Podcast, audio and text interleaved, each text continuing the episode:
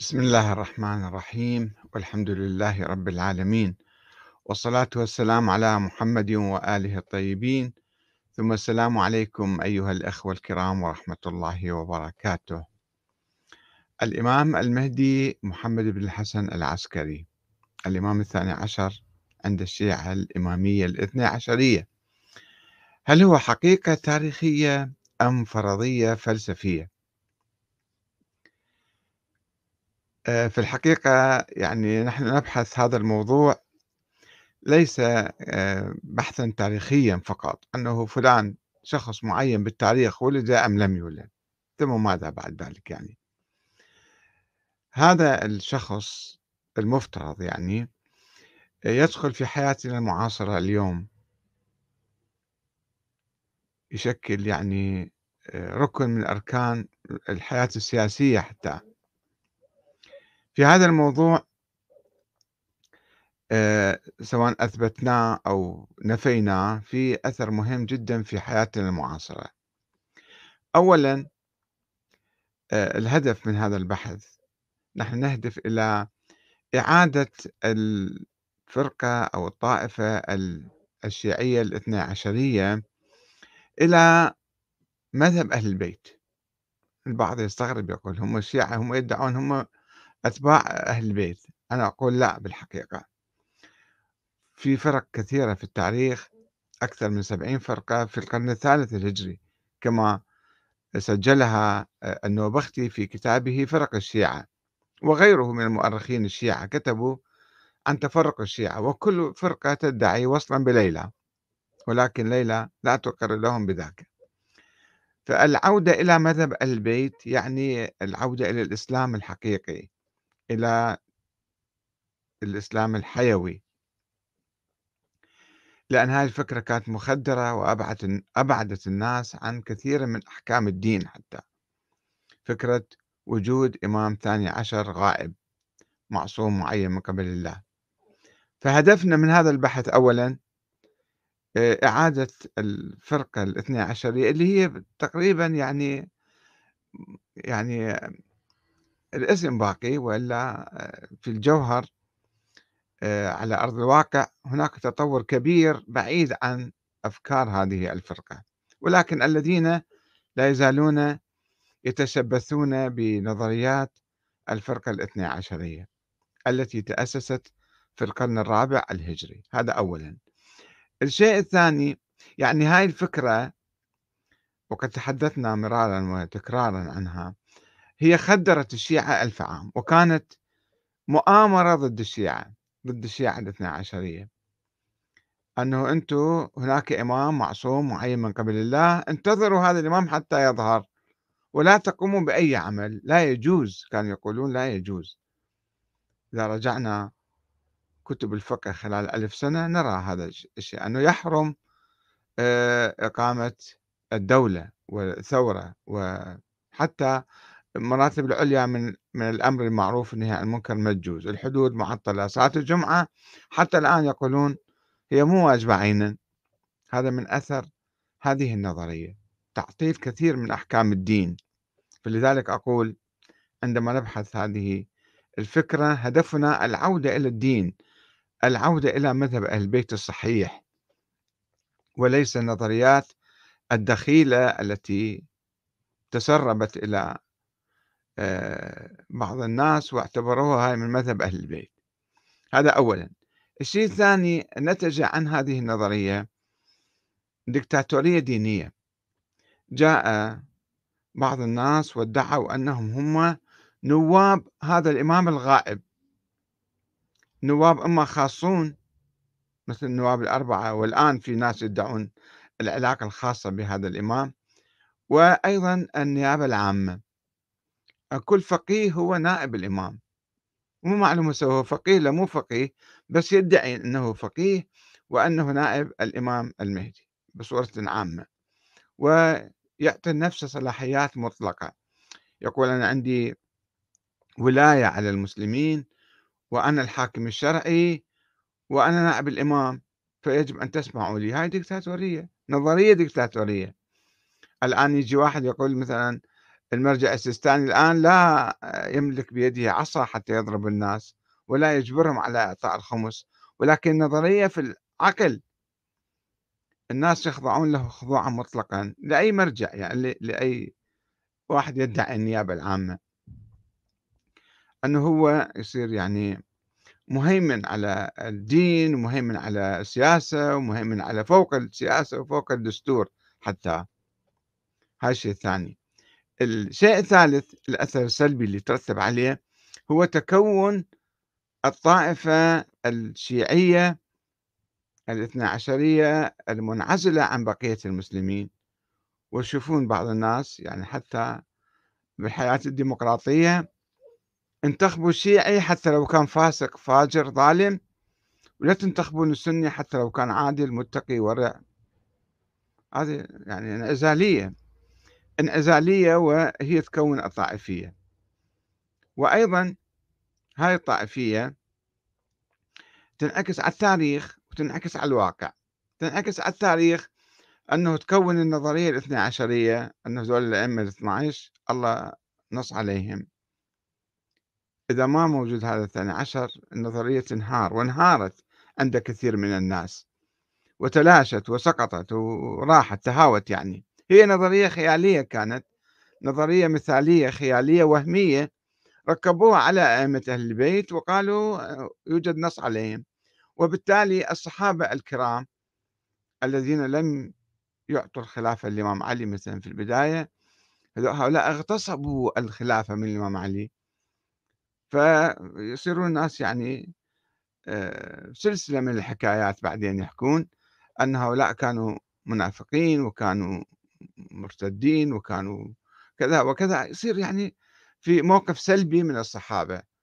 والمسلمين عموم المسلمين يجلون هؤلاء الصحابة فأنت من تقوم تتخذ موقف سلبي منهم راح ينعكس عليك وعلى علاقاتك مع بقية المسلمين وبالتالي تحدث فتنة.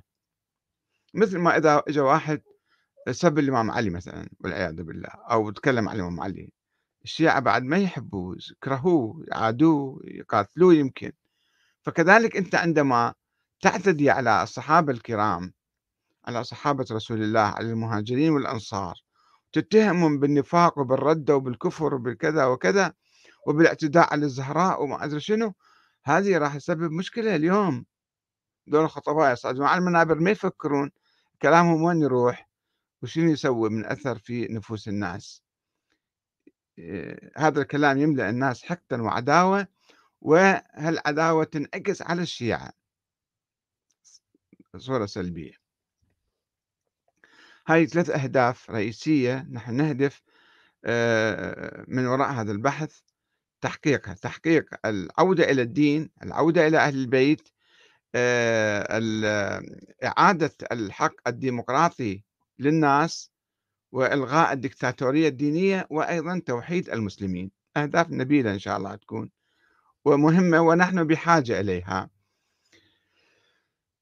طيب الآن نتكلم أنه كيف نثبت أو ننفي هذه الفرضية؟ هي فرضية. خلينا نخليها فرضية الآن. أن الإمام الحسن العسكري توفى سنة 260 للهجرة. ولم يشر إلى وجود ولد له. هذا باتفاق الشيعة كلهم اتفاق كل المؤرخين. لم يشر إلى وجود ولد له ولم يرى أي ولد له في الظاهر لا في حياته ولا بعد مماته. يعني إلا مجموعة من الأشخاص والشيعة شيعة الحسن العسكري وقعوا في حيرة أنه اللي كانوا يؤمنون بنظرية الإمامة. قالوا إذا أين أصبحت الإمامة؟ ما هو مصير الإمامة؟ بدأوا يفتشون يسألون يحققون ويبحثون فلم يجدوا شيئا. انقسموا إلى أربع عشرة فرقة وكل فريق قال بكلام معين. بعدهم رجعوا إلى سيد محمد قالوا هو الإمام. قسم قالوا جعفر هو الإمام. قسم قالوا العسكري ما مات مات وحتيه بعدين. والنظرية أو انهارت نظرية الإمامة تبين أنها باطلة من الأساس لأنه وصلت إلى طريق المسدود فتبين أنها نظرية خيالية كاذبة وبطلوا عنها الناس أو راحوا صاروا إسماعيلية بعضهم أو زيدية. فالمهم يعني وقعوا في حيرة لأنه لم يكن هناك شيء ظاهر وعلني ومعروف ومتفق عليه. ما عدا بعض الأشخاص وكلاء ماليين كانوا ادعوا أنه النيابة الخاصة أو هم أبواب هذا الإمام ومن الغلاة كانوا. من الغلاة النصيرية مثلا كانوا يقولون محمد بن نمير ابن نصير النميري. هذا كان يقول الأئمة آلهة وقال لا لازم إله موجود عنده بعد وفاة الحسن العسكري فافترض الإمام الثاني عشر هو إله مالته. آه هكذا إذا يعني هذه الفرضية الظاهر أنه ما أكو دليل عليه وكلها باتفاق كل الشيعة كل اقرأوا كتب الشيعة كلها اقرأوا يعني النوبختي فرق الشيعة اقرأوا المقالات والفرق لسعد بن عبد الله الأشعري القمي اقرأوا الغيبة للنعماني الغيبة للطوسي إكمال الدين للصدوق اقرأوا الإمامة والتبصرة من الحيرة لعلي بن بابويه الصدوق اقرأوا الإرشاد اقرأوا كل الكتب اللي ذكروها وكتبوها. علماء هذه الفرقة الاثنى عشرية في القرن الرابع الهجري والخامس كلها تثبت أنه نعم يقولون يعترفون. يقول في الظاهر ما كان هناك أي ولد ولكن تقية كان قد أخفاه.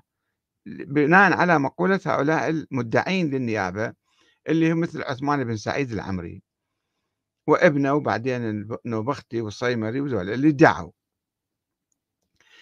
إحنا في إثبات أي شخص وجود أي شخص آه، بالتاريخ آه، يثبت وجوده بالتواتر. التواتر ماذا يعني؟ التواتر يعني القطع واليقين. يعني مثلا وجود الإمام الحسن العسكري هذا ما حد ما يشك فيه.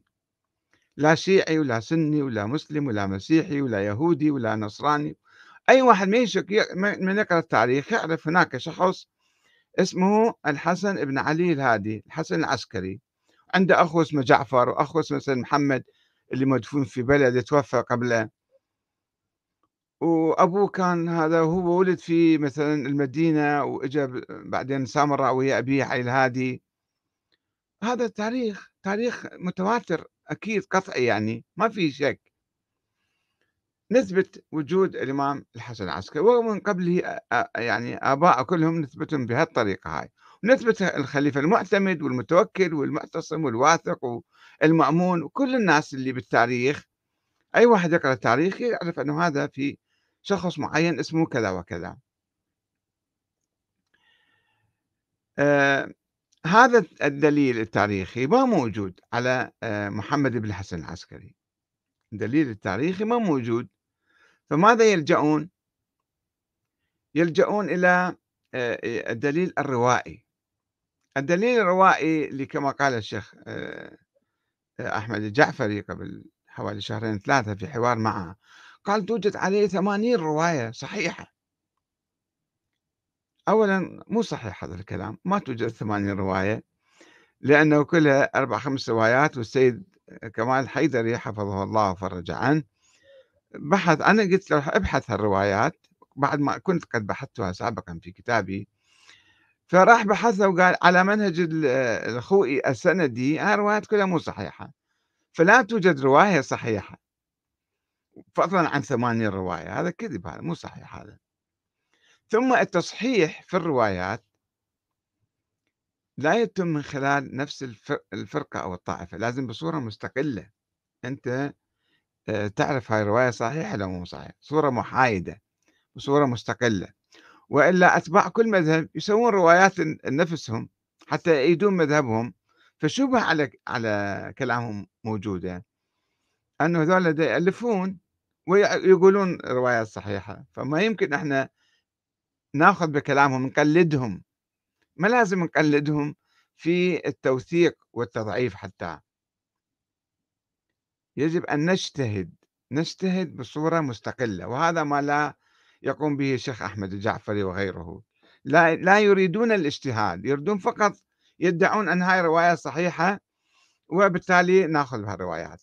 مثلا الروايات تجي من وين توصل؟ إلى عثمان بن سعيد العمري والنواب الأربعة. كما قال الشهيد سيد محمد باقر الصدر رحمة الله عليه أيضا. لما كتب بحث حول آه، المهدي مقدمة لكتاب موسوعة الإمام المهدي السيد محمد الصدر قال يعني آه، كيف نثبت وجود هذا الشخص؟ بروايات دول النواب الأربعة. ادعاء النواب النواب الأربعة واحد بعد واحد إجا. مو مو كلهم شافوا يعني كانوا معاصرين الحسن العسكري. فهذول مو معقولة يكذبون. إذا فلازم ناخذ كلامهم. لا معقولة ونص يكذبون. ليش مو معقولة ونص؟ لأنه في 24 واحد كانوا يدعون النيابة الخاصة وواحد يكذب الآخر. فلماذا نصدق الأربعة ونكذب البقية؟ يقول ذاك دجالين كذابين مدعين. طيب ذولهم نفس الشيء شنو الفرق ذولا عن ذولاك هذول كانوا مدعين كذابين دجالين ومشبوهين ويجرون النار إلى قرصهم كما يقولون واللي يجر النار إلى قرصه هذا كلامه مشبوه ما يمكن ناخذ به لأن كانوا يأخذون الفلوس من الناس يقولون نوصلها صاحب الزمان نوصلها الإمام المهدي ويكذبون على الناس ويضحكون عليهم. والشيعة كانوا يشكون بهم في حياتهم كما يذكر الشيخ الطوسي في كتاب الغيبة في آخر الكتاب. فإذا هم كانوا يدعون في الشيء خلاف الظاهر والدين ما يمكن ناخذه بالسر. الدين لازم يكون مثل الشمس الساطعة. أدلة قوية وقاطعة ومتواترة. كما يقول الشيخ المفيد اللي هو أسس المذهب الاثنى عشري ونظر له يعني أكثر شيء. يقول خبر الآحاد لا يفيد علما ولا عملا. خبر الآحاد يعني ماذا؟ يعني الأخبار اللي ما وصل لحد التواتر والقطع. أخبار كلام ينقل. هذه الروايات من هالقبيل أن الروايات مشبوهة وناس مشبوهين ديرون وبالتالي ما يمكن نقول ذولا ناس ثقات. إحنا نوثقهم. إحنا نوثقهم ونصدقهم بعدين. لا بالعكس لازم نشك فيهم. المنهج العلمي يقتضي ذلك. أن واحد يدعي في الشيء خلاف الظاهر. أهل البيت أهل بيت الإمام العسكري كلهم قالوا ما عنده ولد وما شفنا عنده ولد. وهو قال ما عندي ولد. يجي واحد بعدين يقول الإمام الحسن العسكري عنده ولد بالسر وأنا على علاقة به وهو عمره خمس سنين وأنا وكيله صرت. وإذا عندكم فلوس تعطوها لي تعطوني لي أنا أوصل لي. هذا كلام في شبهة. يعني أبسط إنسان يمكن يوقف ويقول هذا إيش يحكي هذا؟ كلام كلام مو معقول كلام مشبوه. ما يمكن ناخذ من عنده هذا الكلام. بعدين يقول لا هو ثقة. من هو الثقة؟ قال الإمام العسكري قال هذا ثقتي في الحياة والممات. هسه في الحياة ممكن يزكي واحد. بالممات إيش مدري بعدين شو يصير؟ ينقلب على أعقابه يتاجر بالإمام. مثل الواقفية الذين كانوا من أصحاب الإجماع في الحديث ناس ثقات جدا أصحاب الإمام موسى الكاظم. بن مات موسى الكاظم قال لا ما مات هو بعده موجود وإحنا وكلاءه وعندهم فلوس. أخذوا فلوس وقاموا يأخذون الفلوس من الشيعة باعتبارهم هم نواب الإمام موسى الكاظم. فإذا في عندنا بالتاريخ الشيعي عدة مرات أنه ناس كانوا ثقات وبعدين انقلبوا. ومثلا ما نريد نقول الشيعة يتهمون أصحاب النبي مثلا أنهم ارتدوا بعد وماته وعلموا السلطة والزعامة طيب إذا أصحاب النبي ارتدوا مثلا والعياذ بالله ليش ذول الجماعة ما يرتدون ما يضحكون عليكم ما ينقلبون ما يتاجرون بالقضية ما يكذبون عليكم؟ فهذا التوثيق لازم يكون توثيق مستقل. إحنا نجتهد بصورة مستقلة. في علم الرجال لا يجوز التقليد نقلد الشيعة الإمامية اللي يقولون ذولا كلهم ثقات رواياتهم صحيحة. طبعا يأيدون مذهبهم. ما يجوز نعتمد إحنا بهالصورة بالصورة هذه. لازم إحنا ندرس كل واحد واحد ونشوف هذا خرافي أسطوري كلامه مهلوس مثلا. في ناس مهلوسين يروون قصص أسطورية. فشلون نصدقهم؟ وكذلك هذا عثمان بن سعيد وابنه خمسين سنة هو قاعد قاعد بهالمنصب يدعي أنه هو وكيل آه، الإمام المهدي الغائب اللي ما حد ما شايفه بس هو يشوفه. فالروايات هل الروايات النقلية يسموها اللي يألفوها بعدين وألفت بعدين هذه ما يمكن الاعتماد عليها في إثبات شخصية معينة بالتاريخ. ولا في قصص كثيرة محمد بن عبد الله الأفطح هم قالوا عنه هذا مختفي. قالوا موجود ومختفي وهو المهدي المنتظر. آه، وقاموا يسوون له قصص وروايات. بس ما يمكن ما شفنا بالظاهر خلاف الظاهر لا يمكن نعتمد على ونصدق هذه الروايات الباطنية السرية المخالفة للظاهر. وإحنا عقيدتنا لازم ناخذها من ظاهر أقوال الأئمة مو من الأشياء السرية اللي ينسبوها إلهم. فهذا اثنين سقط إذن.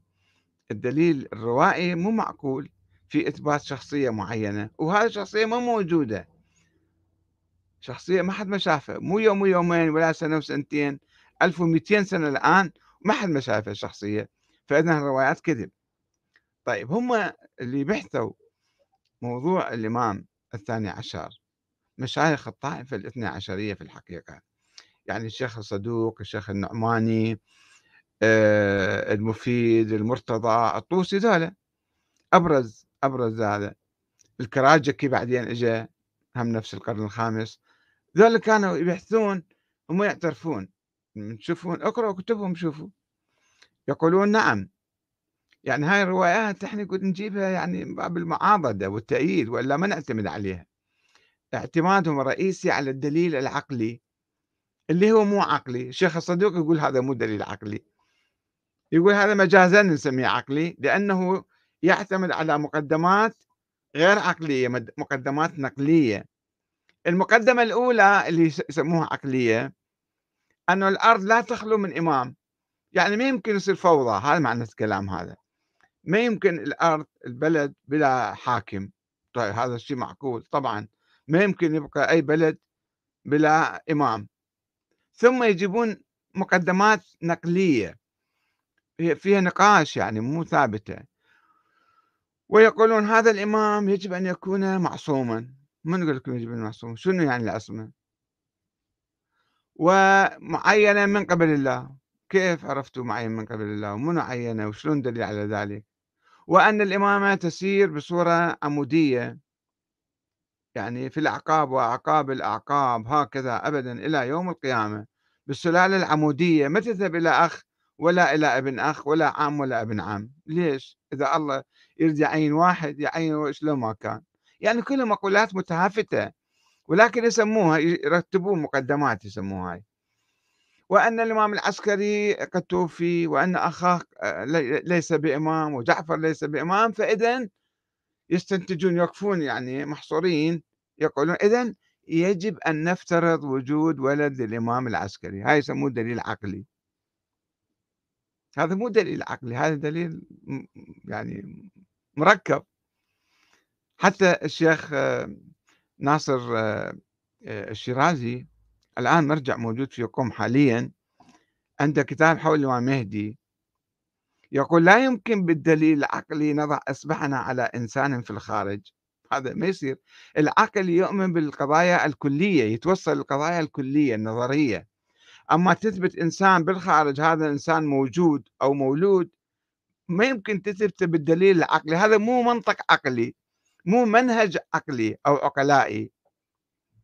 هذا منهج يعني ناس يحكون يسموه دليل عقلي أو دليل كذا. فإذا دليل عقلي أيضا سقط وساقط هو من أول يوم. ولكن هو هذا معتمدهم الرئيسي. الدليل الأكبر والأقوى هو هذا الدليل. طيب. الدليل الروائي غير معقول والدليل العقلي أيضا غير معقول. مو دليل عقلي هو يسموه مجازا كما قلنا الشيخ الصدوق يسميه دليل مجازي يعني. فنجي على الدليل التاريخي الدليل التاريخي ولادته مثلا كيف تمت من شافه آه، كيف صارت القصة؟ هذه أهم قصة بالحقيقة يروها. وهذه ورا يعني ورا خمسين سنة سبعين سنة إجوا ناس اختلقوها القصة ما كانت موجودة في البداية ما حد ما كان يعرفها وما حد ما راويها. واللي كتبوا بالقرن الثالث الهجري إنه بختي مثلا صاحب فرق الشيعة أو سعد بن عبد الله الأشعري القمي عالم الكبير في قم ما أشاروا إلى هالولادة وقالوا إحنا دليلنا هالاستنتاج النظري يعني. لذلك أنا سميت كتابي الإمام المهدي حقيقة تاريخية أم فرضية فلسفية. هم افترضوا فرضية فلسفية أنه الإمامة لو الإمامة صحيحة ولازم تستمر يوم القيامة وإحنا ما شفنا الآن في الواحد إمام بس لازم نفترضه حتى لو ما شفناه. حتى لو أبوه المفترض قال ما عندي ولد لا نقول له غصبا عنك أنت عندك ولد وهو غائب وما حد ما يشوفه. وش وقت وليش غايب ما يعرفون. كل سالفة الشكل يتكلمون. و آه، وصار له 1200 سنة ما ظهر. يعني شوفوا شلون نقع في سلسلة من الأساطير ومن المقولات الباطلة. آه، طيب هذا بعد خم... بعد 50 سنة 70 سنة واحد اسمه الحسين بن حمدان الخصيبي. هذا من الغلاة كان معروف من الغلاة النصيرية من أتباع محمد بن نصير النميري. كتب هو هذا كان يروج أيضا هم كانوا يروجون لهذه فكرة وجود ولد الإمام العسكري.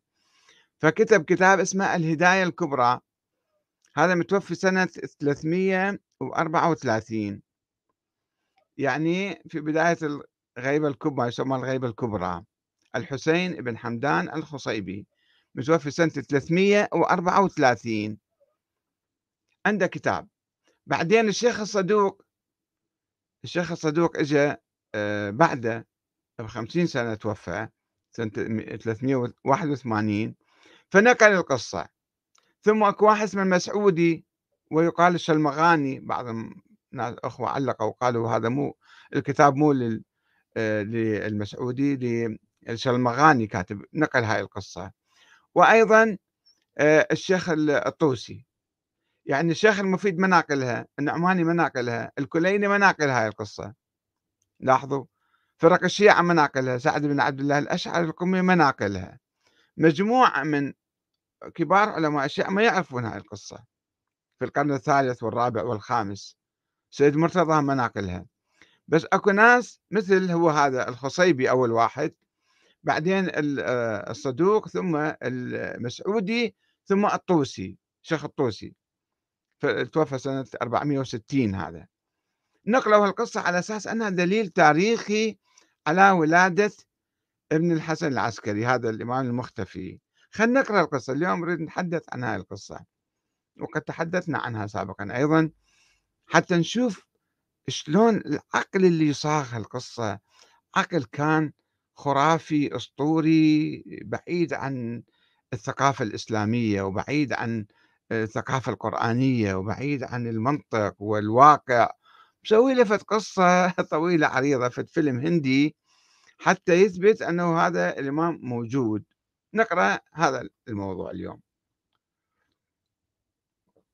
وأعتقد أي شيعي مثقف واعي عاقل يقرأ هذه القصة راح يكتشف أسطورية هذه القصة وأسطورية وجود هذا الولد. المهم دول عدلت لكم أسمائهم. عندهم كتب وفي كتبهم ينقلون هذه الرواية. يروون قصة ولادة ابن الحسن العسكري.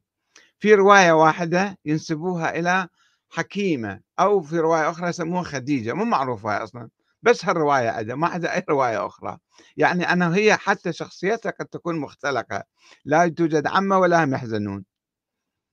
والمهم هي روت كيف ولد هذا ابن الحسن تقول فيها بعث إلي أبو محمد الحسن بن علي فقال يا عمة اجعلي إفطارك هذه الليلة عندنا فإنها ليلة النصف من شعبان. فإن الله تبارك وتعالى سيظهر في هذه الليلة الحجة. هو عنده علم غيب أنه بطن جاريته مثلا شنو مولود ولد لو بنية وشنو هذا راح يصير إمام مثلا. قالت فقلت له ومن أمه؟ شوفوا نفس الرواية هي تنفي بالحقيقة بس واحد لشوية يفكر فيها. فقلت له ومن أمه؟ فقال لي من نرجس. قلت له جعلني الله فداك ما بها أثر؟ أصلا محامل هذه. فقال هو ما أقول لك اسكتي أنت ما عليك. قالت فجئت فلما سلمت وجلست جاءت هذه نرجس جارية كانت خدامة جاءت تنزع خفي وقالت لي يا سيدتي وسيدة أهلي كيف أمسيتِ؟ فقلت لها بل أنتِ سيدتي وسيدة أهلي، بسرعة صارت هذه، يعني بناءً على راح تجيب واحد هي صارت سيدة. قالت فأنكرت قولي، هي أنكرت. وقالت ما هذا يا عمّة، قاعد تحكين علي والّا شنو؟ فقلت لها يا بني إن الله تعالى سيهب لك في ليلتك هذه غلاما سيدا في الدنيا والآخرة. قالت فخجلت واستحيت. فلما أن فرغ بس قصة طويلة أنا دا أختصر لكم معدها فلما أن فرغت من صلاة العشاء الآخرة آه، أفطرت وأخذت مضجعي فرقدت نمت. فلما كان في جوف الليل قمت إلى الصلاة ففرغت من صلاتي وهي نائمة ليس بها حادث هاي البنت. ثم جلست معقبة ثم اضطجعت مرة ثانية ثم انتبهت فزعة وهي راقدة. ثم قامت فصلت ونامت. وما ما في شيء. نفس الشيء قامت وصلت ونامت وما في شيء. قالت حكيمة وخرجت أتفقد الفجر. صارت الدنيا الصبح. هم قال هذه الليلة ما ولدت بالليلة. فإذا أنا بالفجر الأول كذنب كذنب السرحان وهي نائمة. بعد نائمة أصلا ما تحس ولا تشعر بأي شيء. فدخلني الشك. أنا شكيت بكلام هذا الحسن العسكري قال راح تولد وما ولدت. فصاح أبو محمد من المجلس. بسرعة عرف صار عنده علم غيب. هاي بس شكت وأفتهم بما يوجد في رأسها. علم غيب عنده. فقال لا تعجلي يا عمة. فهاك الأمر قد اقترب أو قد قرب. قالت فبينما أنا كذلك. إذا انتبهت فزعة فو... إذا إذا انتبه آه... انتبهت هي فزعة فوثبت إليها فقلت اسم الله عليك. ثم قلت لها أتحسين شيئا؟ قالت نعم يا عمه فقلت لها اجمعي نفسك واجمعي قلبك فهو ما قلت لك. هسه هو الحسن العسكري ما قايل لهاي البنت نرجس أنت راح تولدين. قال له عمته عمتة تخبرها وهي ما عندها خبر. قالت لاحظوا هنا النقطة المهمة. قالت فأخذتني فترة. نامت هي كانت كل ساعة تقعد تنام تنام وتقعد تنام وتقعد. فنعست ونامت فأخذتني فترة. فانتبهت بحس سيدي. فكشف الثوب عنه فإذا أنا به ساجدا يتلقى الأرض بمساجدي. ولد. هي بالنوم تشوف حلم. فإذا أنا به ساجدا يتلقى الأرض بمساجد طفل وأسته مولود يسجد ويصلي. شايف شلون هذا؟ من الغلو ما حتى النبي محمد ما كان الشكل ولا الإمام علي. فضممته إلي. فإذا أنا به نظيف متنظف أصلا ما به أي دم من مال الولادة. فصاح أبي أبو محمد هلمي إلي ابني يا عم؟ جيبي. هذا فجئت به إليه فوضع يديه تحت إليته وظهره ووضع قدمه على صدره ثم أدلى لسانه في فيه وأمر يده على عينيه وسمعه ومفاصله ثم قال تكلم يا بني. فقال أشهد أن لا إله إلا الله وحده لا شريك له وأشهد أن محمد رسول الله. ثم صلى على علي أمير المؤمنين وعلى الأئمة إلى أن وقف على أبيه الحسن العسكري ثم احجم ثم قال أبو محمد يا عم اذهبي به إلى أمه ليسلم عليها. صار يحكي هذا الطفل استوى مولود يتكلم ويشهد ويحكي كل شيء. وأتيني به. فذهبت به فسلم عليها ورددته فوضعته في المجلس. ثم قال يا عم إذا كان يوم السابع فأتينا. قومي روحي بعد خلص شغلك.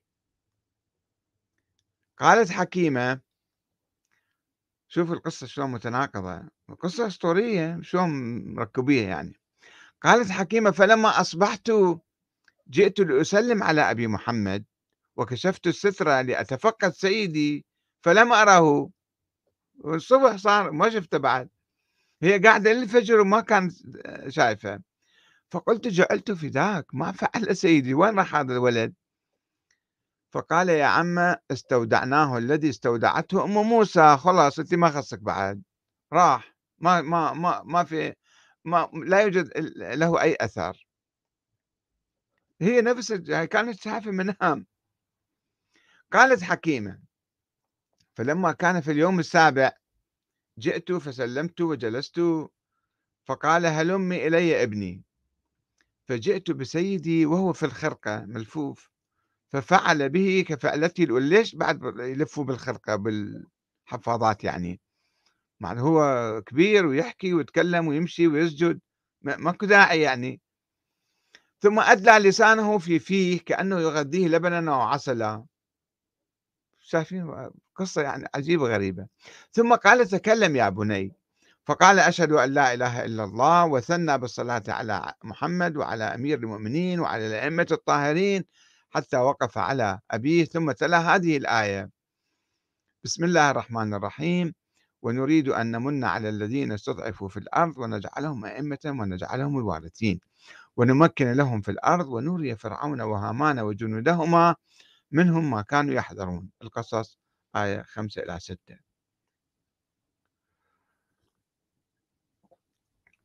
وتقول حكيمة في رواية أخرى يذكرها الصدوق. أن نرجس لم يكن بها أي أثر للحمل وإنها لم تكن تعرف ذلك. نفس الرواية السابقة.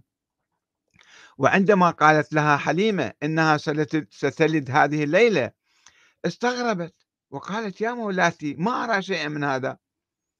حتى إذا كان آخر الليل وقت طلوع الفجر وثبت فزعة وقالت ظهر بي الأمر الذي أخبرك مولاي. هذا الشيخ الصدوق. وتقول الرواية أن حكيمة أقبلت تقرأ على نرجس القرآن. لما هي حست بالولادة قامت تقرأ عليها قرآن. فأجابها الجنين من بطن أمي. شوف الصدوق يضيف على رواية ذاك الخصيبي. تتطور الرواية الأسطورية كل يوم يزيدون ينقصون بها فأجابها البط... الجنين من بطن أمه يقرأ مثل ما تقرأ. وسلم عليها هو بطن أمه قام يسلم عليها. هي رواية تقول مما أثار فزعها خافت. شلون طفل من بطن أمه يحكي. ولكن الرواية تقول أن نرجس نفس الشيء غيبت عن حكيمة. يقول ضرب ستار ما شافته بعد. فلم ترها كأنها كأنه ضرب بينها وبين نرجس حجاب. هي قاعد تقرأ قرآن شافت ما هي بعدها راحت. مما أثار استغرابها وصراخها ولجوئها إلى أبي أبي محمد قلت تعال شوف هذا ما وين راحت المرض اختفت. حيث قال لها ارجعي يا عمة وستجدينها في مكانها. قالت حكيمة فرجعت. فلم ألبث أن كشف الغطاء الذي كان بيني وبينها. وإذا أنا بها وعليها من أثر النور ما غشي بصري. وإذا بالصبي ساجدا لوجهه. شوف شلون تطورت وتضيف هذه الرواية موضوعا آخر. هو تحليق عدد من الطيور فوق رأس الوليد. وقول الحسن العسكري لطير منها احمله واحفظه ورده إلينا في كل أربعين يوما. إيه شلون يشربوا حليب؟ شلون يوكلوه؟ شلون يحفظوه؟ شلون يعتنون به الطيور أخذوه وطاروا كلام خرافي أسطوري. بعيد عن المنطق بعيد عن الإسلام بعيد عن القرآن بعيد عن العقل بعيد عن الواقع. ناس خرافيين مسوين الأفلام الهندية. فتناوله الطير. قال له فالطير تعال تعال أخذه وطير بيروح. فتناوله الطير وطار به في جو السماء. مما جعل أمه تبكي لفراقه. أمه قامت تبكي ليش أخذ الطير وطاروا هذا نفس الرواية مال الشيخ الصدوق. قالت حكيمة هسه حكيمة قاعدة مسكينة ما تدري زي يصير. فقلت وما هذا الطير؟ تعجبت. فقال الحسن العسكري قال هذا روح القدس الموكل بالأئمة يوفقهم ويسددهم ويربيهم بالعلم. ما عندنا شيء هذا. سمعت لكم في اليوم عن الإمام علي مثلا أكو واحد يوجهه ويربيه وقدس روح القدس وياه. فلما كان بعد أربعين يوما رد الغلام. وكان يمشي كأنه ابن سنتين كبر بسرعة. فهاي حكيمة تقول. كل أساطير أكاذيب وأساطير مما دفعها للتساؤل بدهشة. قال شلون صار عمره سنتين قام يركض بالشارع أو بالبيت مما دفعها للتساؤل بدهشة. فقال لها أخوها الحسن إن أولاد الأنبياء والأوصياء إذا كانوا أئمة ينشؤون بخلاف ما ينشأ غيرهم. هي ما تعرف هي أخته هي عمة الحسن وأخت الهادي وما تعرف القصة هذه. وإن الصبي منا إذا كان أتى عليه شهر كان كمن أتى عليه سنة. بشهر يصير سنة هذا عمره. وأن الصبي منا ليتكلم في بطن أمه ويقرأ القرآن ويعبد ربه عز وجل. وعند الرضاع تطيعه الملائكة وتنزل عليه صباحا ومساء. ما عندنا شيء هذا الملائكة تنزل على إنسان بعد النبي محمد خاتم الأنبياء وخلص بس هاي دي, يتخيلون يعني. وتواصل الرواية نقلا عن حكيمة. إنها لم تزل ترى ذلك الصبي في كل أربعين يوما إلى أن رأته رجلا رجال كبير صاير. قبل مضي أبي محمد بأيام قلائل قبل وفاته يعني. فلم تعرفه. شافت فدجال قاعد بالبيت. وقالت لابن أخيها من هذا الذي تأمرني أن أجلس بين يديه تجي أقعد وياه يعني. فقال لها هذا ابن نرجس وهذا خليفتي من بعدي وعن قليل تفقدوني فاسمعي له وأطيعي. وما تدري نفس ماذا تكسب غدا وما تدري نفس بأي أرض تموت. ما حد ما يعرف شو وقت حيموت حسن عسكري يعرف راح يموت بعد شوية. قالت حكيمة فمضى أبو محمد بعد ذلك بأيام قلائل وافترق الناس كما ترى. الناس افترقوا ما, ما يعرفون صارت الحيرة يعني. ووالله إني لأراه صباحا ومساء وإنه لينبئني عما تسألون عنه فأخبركم يعرف عند علم غيب. ووالله إني لأريد أن أسأله عن الشيء فابدأني به. هو بسرعة يقول لي يجاوبني وإنه ليرد علي الأمر فيخرج إلي منه جوابه من ساعته من غير مسألتي هو بسرعة عنده علم غيب. هذا الشيخ الصدوق شوف شلون أضاف عليها أشياء على رواية ذاك المغالي الخرافي الحسين بن حمدان الخصيبي. يجي الشيخ الطوسي بعد خمسين سنة بعد مئة سنة. أه ويورد الطوسي في كتاب الغيبة قصة ولادة ابن الحسن ولكن لا يذكر قصة الطيور وروح القدس وأخذ الوليد إلى السماء. هو ما صدق بها وما ما اعتبرها. بل يقول إن حكيمة ودعت أبا محمد العسكري يعني وانصرفت إلى منزلها في أعقاب ولادة المهدي. وعندما اشتاقت له بعد ثلاثة أيام رجعت ففتشت عنه في غرفته فلم تجد له أثرا ولا سمعت له ذكرى ولا سمعت أحد يحكي بالبيت عن هذا الولد. شوف هاي الرواية نفسها قاعد تنفي هي. فكرهت أن تسأل. مع ذلك فالشيء غريب عجيب يعني. فالولد مولود جديد صار له ثلاثة أيام وما عند ما أكو له أثر وهذه ما سئلت وين راح الولد. فكرهت أن فكرهت أن تسأل.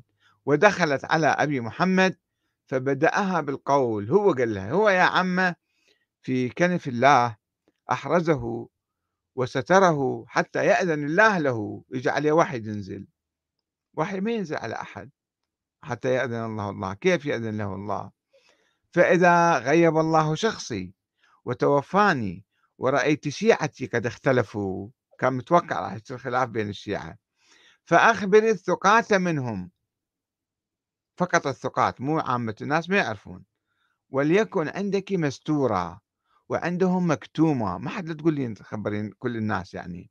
فإن ولي الله يغيبه الله عن خلقه ويحجبه عن عباده. ليش الله يحجبه؟ الله حاطه حتى يقود الأمة الإسلامية ويحجبه عن عباده ويغيب عن خلقه. شنو هالمنطق المتناقض هذا؟ شنو هالعقل اللي يقبل هالتناقض بهالكلام هذا؟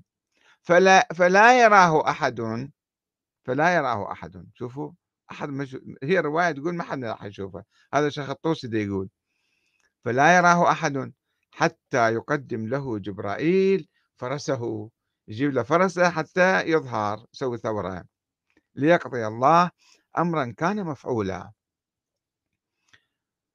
جبرائيل النبي محمد ما جاب له فرس ولا الإمام علي. ليش يجيب فرس المهدي شلون يعني؟ هو شنو صار؟ أفضل من النبي محمد يعني؟ ويضيف الطوسي في رواية أخرى. يجيب عدة روايات. يضيف قول الحسن لعمته. استودعناه الذي استودعته أم موسى. أم موسى ذبت بالقفة سوت له ودبت له بالنهار والطلب منها أن تأتي في اليوم السابع مو بعد ثلاثة أيام بعد سبعة أيام إجت. حتى حيث يعود المهدي فتراه حكيمة. هناك قالت بعد ثلاثة أيام إجت ما شفته. هنا يقول لا بعد سبعة أيام إجت وشافتها. ويقول في رواية ثالثة إن حكيمة دخلت بعد ثلاثة أيام فرأت الولد في المهد وعليه ثوب أخضر وكان نائما على قفاه غير محزوم ولا مقموط. مكشف كان الولد هذا. ففتح عينيه وجعل يضحك لها ويناجيها بإصبعه ثم غاب بعد ذلك. الرواية الأولى تقول إجت بعد ثلاثة أيام ما شافت أي أثر ولا ذكر له هنا أقول لا اجى وقام يحكي وياها ويناجيها بإصبعه وثم غاب بعد ذلك. عنها حتى غاب. روايات عجيبة غريبة. هذا الشيخ الطوسي يسموه شيخ الطائفة بعدين. وجماعتنا مراجعنا كلهم يقلدون الشيخ الطوسي. ويقول في رواية رابعة إن حكيمة وجدت على ذراع يعني الخيال يشتغل. أن حكيمة وجدت على ذراع المهدي عند ولادته مكتوبا جاء الحق وزهق الباطل إن الباطل كان زهوقا. كما وجدته مفروغا منه أي مختونا. بطن أمه طالع مختون هذا. وأنه رفع بينها وبين المهدي مع أبيه الحسن كالحجاب. بعد ما قام تشوفه فلم ترى أحدا. هي قاعدة يمه وشافت مكتوب على إيديها في المرغاب. ما تشوفه بعد. فقالت أين يا مولاي؟ أين مولاي؟ فقال لها الحسن أخذه من هو أحق منك ومنا. وعندما عادت بعد أربعين يوما مو ثلاثة أيام ولا سبعة أيام هاي بعد أربعين يوم وجدت المهدي يمشي في الدار. فلم ترى وجها أحسن من وجهه. ولا لغة أفصح من لغته وعندما تعجبت من ذلك وقالت أرى من أمره ما أرى وله أربعون يوما يمشي بالبيت. تبسم أبو محمد وقال يا عمتي أما علمت أن معاشر الأئمة ننشأ في اليوم كما ينشأ غيرنا في السنة؟ بكل يوم صار بسنة. هناك كان بالشهر يصير سنة هنا صار باليوم سنة. الرواية السابقة تقول بالشهر يكبر آه، سنة هنا صار لا باليوم. يعني يومين ثلاثة خمس أيام صار عمره خمس سنين. أسبوع صار عمره مثلا سبع سنين وهكذا. فقامت وانصرفت ولم تره بعد ذلك. هذا الشيخ الطوسي يقول. هاي حسب هاي الرواية. ويروي الطوسي عن خادمتين للإمام العسكري هما نسيم وماريا خادمات. أنهما قالتا لما خرج صاحب الزمان من بطن أمه سقط جاثيا على ركبتيه رافعا سبابته نحو السماء ثم عطس. فقال الحمد لله رب العالمين وصلى الله على محمد وآله. داخرا لله غير مستنكف ولا مستكبر. ثم قال زعمت الظلمة أن حجة الله داحضة ولو أذن لنا في الكلام لزال الشك. كلام شوفوا شو اقرأ كل تاريخ الأئمة لا تجدون هالقصص والروايات لا في ولادتهم ولا في حياتهم. لما يعني أكو ناس كذابين دجالين غلاة مخرفين يكتبون هالسيناريوهات من الأفلام الهندية هذه. ويضيف المسعودي والخصيبي جانبا آخر إلى قصة ولادة ابن الحسن فيقولان إن المهدي ولد من فخذ أمه. ما طلع من الموقع المعتاد. وينقلان عن الإمام العسكري وهذا طبعا سيد محمد الشيرازي في كتابه أيضا ينقل نفس هذا الرواية أنه ولد من فخذ أمه وحمل في الجنب مو في الرحم. وينقلان عن الإمام العسكري قوله لعمته حكيمة أن الأئمة لا يحملون في البطون كل الأئمة مو بس هذا أن الأئمة لا يحملون في البطون وإنما يحملون في الجنوب على صفحة ما أدري ليش يعني. شنو يصير لا طبيعي يعني؟ هذول مخرفين مسعودي والخصيبي ويتفق المسعودي مع الصدوق والطوسي في أن حكيمة نامت في تلك اللحظات وهي قاعدة ووقع عليها سبات لم تتمالك نفسها منه ولم تحس إلا على صوت الوليد تحت نرجس وصوت أبيه يناديها يا عمتي هاتي ابني. هم بالطيف هذا. ويقول إن الوليد اختفى في ذلك اليوم هذا المسعودي. يقول الوليد اختفى نفس اليوم. وعاد بعد أسبوع فرأته حكيمة مرة أخرى ثم اختفى. ولم تره حتى أربعين يوما حيث شاهدته يمشي. ويختلف المسعودي مع الصدوق الذي ذكر في روايته أن الإمام ينشأ في الشهر كما ينشأ غيره في السنة. ومع الطوسي الذي ذكر أن الإمام ينشأ في اليوم كما ينشأ غيره في السنة المسعودي يقول فيقلل المسعودي النسبة وينقل عن العسكري قوله لحكيمة أو ما علمت يا عمتي أن معاشر الأوصياء ننشأ في اليوم مثل ما ينشأ غيرنا في الجمعة لا بأسبوع. كل أسبوع إحنا كل يوم مقدار أسبوع مو شهر ولا سنة. وننشأ في الجمعة مثل ما ينشأ غيرنا في الشهر وننشأ في الشهر مثل ما ينشأ غيرنا في السنة. ويروي المسعودي أخيرا عن أبي محمد العسكري أنه قال لما ولد الصاحب بعث الله عز وجل ملكين فحملاه إلى سرادق العرش حتى وقف بين يدي الله بين يدي الله فقال له مرحبا بك بك أعطي وبك أعفو وبك أعذب هاي قصة تجدونها في كتاب الخصيبي اللي هو الهداية الكبرى والمسعودي في كتاب إثبات الوصية صفحة 197 وصفحة 196 وأيضا كتاب الصدوق إكمال الدين صفحة 424 إلى 28 26 30 والطوسي في الغيبة من صفحة 41 141 إلى 145 يعني هذه القصص اللي يروها. هاي الروايات طبعا جزء من قصة أسطورية أكبر حول أصل نرجس منين جاءت؟ أنه هي كانت ابن ملك آه، بأوروبا ملك الروم وشافت بالمنام. النبي محمد والنبي عيسى والإمام العسكري وخطبها النبي محمد من النبي عيسى خطبها من أبيها يعني الملك. وبعدين زوجها للحسن العسكري. واجت هي سمت شافة العسكري ولا سمع به المهم بالمنام شافت هي. فسوت نفسها بالأسيرة بالمدري وين بالحروب. وجابوها باعوها في بغداد فراح اشتراها الإمام الهادي. وصارت أم العسكري أم الإمام المهدي. فالقصة أيضا؟ غير معقولة وغير موثقة ومجموعة آه، خيالات وهمية وأفلام هندية. العقيدة الإسلامية والتشيع لا يبنى على هذه الأساطير. هذه أساطير ناس جهلة غلاة مجانين. قبل ألف سنة إجوا كتبوا هالقصص هذه. وحتى يثبتوا أن وجود هذا الولد المخفي اللي ما حد ما شايفه هذيك الأيام.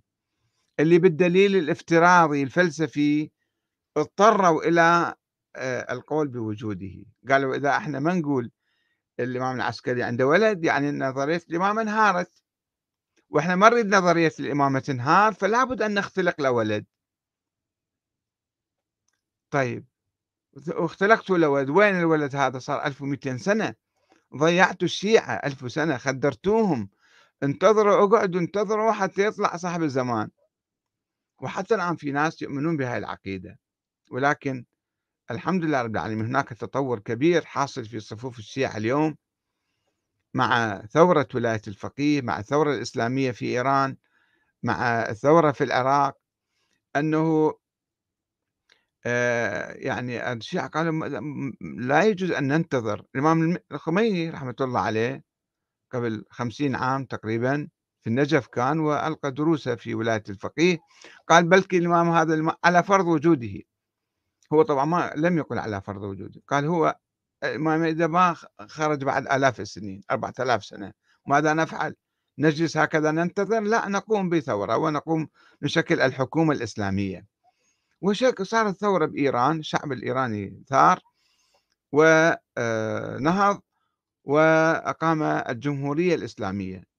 ثم الجمهورية العراقية أيضا الشيعة في العراق الآن يؤمنون بالانتخابات وبالدستور وبتبادل السلطة بشكل سلمي ولا يشترطون أن يكون الحاكم معصوما ولا منصوصا عليه من الله ولا من السلالة العلوية الحسينية. هذا تطور ديمقراطي كبير يجب أن نحافظ عليه ولكن بعض المراجع اللي يدعون نفسهم هم نواب الإمام المهدي يحاولون أن يفرضوا سلطتهم فوق الدستور أو لا يعترفون بهذا الدستور والنظام الديمقراطي إلا عندما يخدم مصلحتهم وبعض الأحيان. ويقولون بصورة تكتيكية مثلا نؤمن بهذا النظام. نحن نحتاج إلى آه، تعميق الإيمان بالنظام الديمقراطي وتطوير هذا النظام لكي ينشر الحق والعدل ويحارب الظلم والجور. إحنا نقوم ليكن كل واحد منا مهديا والحاكم حاكمنا اللي ننتخبه يكون حاكما مهديا إماما مهديا يملأ الأرض قسطا وعدلا بالقوانين والأنظمة مو فقط بالحكي وفد واحد يجي يومين ثلاثة ويروح بعدين. نحن نحتاج أن نطبق هاي الفكرة الحيوية أن نفهم موضوع المهدي بصورة جديدة بصورة حيوية تتفق مع القرآن الكريم الذي يأمرنا ب آه، آه، إقامة الحق والأمر بالمعروف والنهي عن المنكر. وأكرر آه، مرة ثانية.